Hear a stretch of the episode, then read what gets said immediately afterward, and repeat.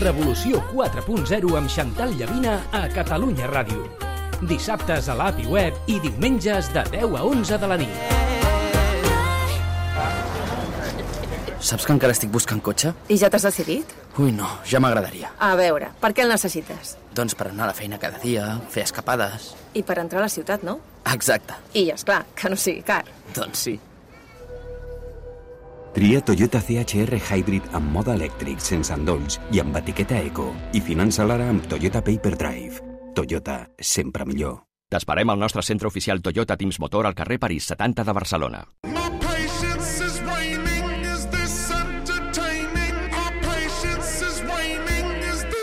My patience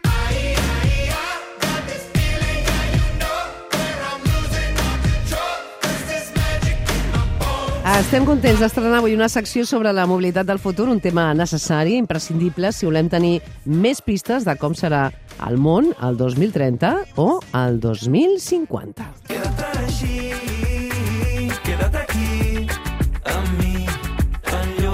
Molt contenta de saludar Gerard Matret. Bona nit, benvingut al Revolució. Bona nit, gràcies. Què tal? El Gerard és emprenedor des de fa molts anys. Quants anys fa que, que te'n consideres que ets emprenedor? Considerar-me, no sé si ho acabo de fer, però porto 21 anys eh, treballant per mi. Déu-n'hi-do. Saps què deies en l'any 2008, Gerard? Deies, el secret per progressar és qüestionar-s'ho tot contínuament. Continues pensant el mateix? Segurament sí, ho diria d'una altra manera, eh, però sí, bàsicament es tracta en eh, plantejar-se l'estatus quo, no? És com són les coses i com podrien ser, no? I no donar-les per, per eh, assumides com a normals, sinó doncs, intentar veure si hi ha maneres millors de fer les coses en general. Molt bé. I la teva passió ha estat la mobilitat i emprendre. Si m'haguessis explicat la, la teva trajectòria, quins tipus d'empreses has posat en marxa, tu sempre em dius, empreses que parlen del futur de la mobilitat, és així? Des del 2006 vam començar a crear la tecnologia a casa, tot i que teníem una empresa que era més... Una, la primera va ser Drivania, una empresa que dona serveis internacionals de, de transport privat, amb xofer. Uber abans d'Uber, podríem dir. Ja vau ser pioners, sí. Amb una tecnologia més arcaica en aquella època, però vam començar a fer la tecnologia a casa a partir del 2006 i això ens va obrir moltíssimes portes. És a dir, ens vam convertir en una empresa eh, tradicional a una empresa tecnològica. Molt bé. I, per exemple, lligades, com deia, la mobilitat, i també vas crear Scholt, ho dic bé, no, el nom? Sí, aquesta startup creada Sí. el 2017. Fa de mal dir. Eh, es, diu, es diu Shuttle, eh, però s'escriu sense pràcticament vocals i això fa de mal dir, no? Eh, sí, és, eh, és una companyia eh, que crea una tecnologia, hem estat creant una tecnologia des dels últims 5 anys que facilita la flexibilització del, de la mobilitat pública. És a dir, creem eh, software perquè el servei de transport compartit, el transport amb autobusos, pugui ser molt més flexible, és a dir, que no existeixin línies fixes i parades fixes que sotmeten els busos a treballar com tramvies, podríem dir, sinó que aquests puguin començar a adaptar-se a la demanda de forma completament orgànica, com si fossin pràcticament eh, serveis de, de taxi, no? Molt bé. Llavors, clar, em pregunto, um, tu, clar, coneixes molt bé com serà la mobilitat, no? La mobilitat compartida, el vehicle autònom, l'urbanisme i la mobilitat. Tu que coneixes, com t'ho planteges, no? És a dir, quins reptes creus que tenim tant a Catalunya, a l'estat espanyol o al món, de com ha de canviar aquesta mobilitat, si ho estem fent bé i cap a on anem? En general ho estem fent bé perquè les intencions són molt bones, eh, l'administració planteja molt bé, a nivell Catalunya, no hi ha cap mena de dubte, a nivell estatal, ara hi ha una nova normativa que s'aprovarà l'any que ve de, de mobilitat sostenible. Eh, En general, a nivell europeu, el gran repte que tenim ara mateix en mobilitat és el, el, el repte regulatori. És a dir, portem molts anys vivint en un món eh, car-cèntric, que se'n diu, és a dir, centrat sobretot en què la mobilitat depèn de, de tenir un vehicle i d'operar aquella màquina, i ara ens estem plantejant que pot ser molt diferent, que el software ens pot ajudar que aquesta mobilitat sigui multimodal, que sigui compartida, però que no hi ha una regulació que ens permeti fer-ho immediatament. I, per tant, serà una transició lenta, en alguns llocs anirà més de pressa que en altres, i nosaltres des de Catalunya farem el possible per ser pioners. Ponme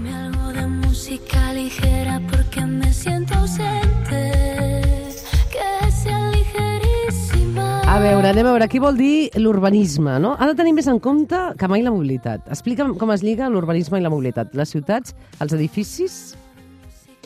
L'urbanisme, eh, eh, si, si entenem la mobilitat, és a dir, si mirem Barcelona i els reptes que té Barcelona.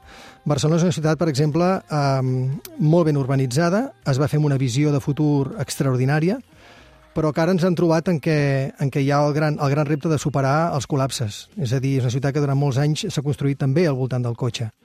El donar-li la volta això no serà fàcil, no es fa només canviant urbanísticament la ciutat, sinó també trobant alternatives al que avui en dia són els serveis de transport. I en aquest sentit, TMB està fent molt bona feina, eh, s'està començant a anticipar, està creant, per exemple, serveis de transport de busos a demanda, són serveis pràcticament híbrids, eh, des del que és el bus fixe, el que entenem, eh, i altres fórmules. No? Per tant, és molt important que la mobilitat estigui concebuda com per descongestionar la ciutat, de tal manera que pugui ser molt més ràpida i, i molt més convenient i molt més a l'abast de tothom. Més preguntes. Ah, els vehicles autònoms, eh, Gerard, són el futur o encara hi ha un llarg camí per recórrer abans que sigui una, una realitat, em diries? Uh, jo crec que hi ha un llarg camí, no perquè la tecnologia no sigui aquí. La tecnologia ens permetria tenir vehicles autònoms comercialitzant serveis de transport uh, segurament en, en 3-4 anys, però, però aquests canvis no poden ser tan ràpids perquè són un impacte econòmic i no, no ens convenen. És a dir, això ha de ser una transició lenta i ha d'anar passant uh, de forma progressiva. Uh, la mobilitat sense tenir en compte la sostenibilitat, tu que la coneixes molt bé, és impossible. No, no ens convé, és a dir, uh, impossible eh, és el que m'agradaria dir i és el que jo crec que tots ens agradaria dir. És dir, la mobilitat eh, no ens la podem plantejar com, hem, com, com l'hem concebuda fins ara. Ha de ser molt més sostenible en tots els sentits, no només des d'un punt de vista mediambiental, també ho ha de ser des d'un punt de vista social, però també ha de ser eh, sostenible econòmicament. La mobilitat pública l'hem entesa sempre com deficitària. I en molts casos aquesta, aquesta assumpció ens ha portat a tenir serveis extremadament deficitaris. Ara és un bon moment per plantejar-se la sostenibilitat des d'aquests tres punts de vista. Per tant, si et dic, Gerard, eh? ara si et dic l'energia que ha de moure els vehicles del futur, tens clara tu l'energia que hem d'utilitzar? A més, com estem ara amb, amb tot el tema preus, quina seria... Hauria de ser energia que provingui de fonts eh, renovables i a partir d'aquí mm, hi poden haver moltes formes, evidentment entenem, hi ha una moda, no hi ha dubte, en, en promoure l'energia elèctrica, però també hi ha un repte, i és un repte logístic i de recarga, no? Això no pot passar de la nit al dia. Hi ha altres formes, hi ha altres formes d'energia, pot ser eh, mm, energies alternatives, eh, no sé, hi ha l'etanol, hi, ha, hi ha el gas natural, eh, hi ha l'hidrogen, eh, i cadascú mira per, per... Són diferents competències que es aniran durant amb el temps. Jo penso que hi haurà una fo- força diversitat en un futur i estarem convivint moltes energies a la vegada. I vehicles elèctrics, per exemple, també seguirem, no? Cada vegada més. Sí, sí. Uh, de totes formes, si sabem plantejar l'ús d'aquests vehicles elèctrics d'una forma compartida, uh, serà molt més, encara serà molt més eficient. És a dir, que no sigui només d'ús individual, sinó podem crear molts vehicles pensats per, per un ús compartit, um, on pensem molt més en la mobilitat centrada en l'usuari, en la persona, és a dir, hem de moure persones, no hem de moure vehicles. I quan comencem a tenir aquest concepte, aleshores posem els vehicles al servei de les persones. Mm, molt bé. Alguna cosa més a afegir? Amb, amb el, anirem parlant amb el Gerard eh, de, la, de la mobilitat. Hi ha molts temes i, a més a més, tu que treballes a, a nivell internacional en molts països, si et digués a alguna ciutat o algun país que haurien de fixar-nos perquè ho estan fent molt bé a mobilitat, quin destacaries? Uh, T'ho diria, i aquesta és una conversa que vaig tenir ahir amb l'Adrià, és un company uh, expert, ell sí, en mobilitat, un company uh, que tenim a, a Shuttle. Uh, per exemple, Copenhagen és una ciutat europea um, referent. A nivell aquí estatal, crec que segurament ho seria la ciutat de, de Pontevedra, pel que tinc entès. I, I aquí a Catalunya hi ha diversos exemples, eh, hi ha exemples molt interessants. La ciutat de Reus, per exemple, té molt, un, un, model bastant interessant. Tenen un, un centre de, de gestió de mobilitat molt potent, no? i gestionen ells mateixos els vehicles. Però hi ha casos molt bons. Aquí tenim empreses molt potents, empreses familiars catalanes que es dediquen al món de la mobilitat, que han crescut internacionalment. Per exemple, el cas de Moventia, una empresa que ara mateix els podem trobar gestionant la bicicleta de París, eh, o en projectes tan interessants com el, el, el transport públic de, de la Meca, Aràbia Saudita. No? I jo penso que Barcelona, de fet, en un futur acabarà sent potser el referent més important internacional. Carai, tu, quin titular, molt bé.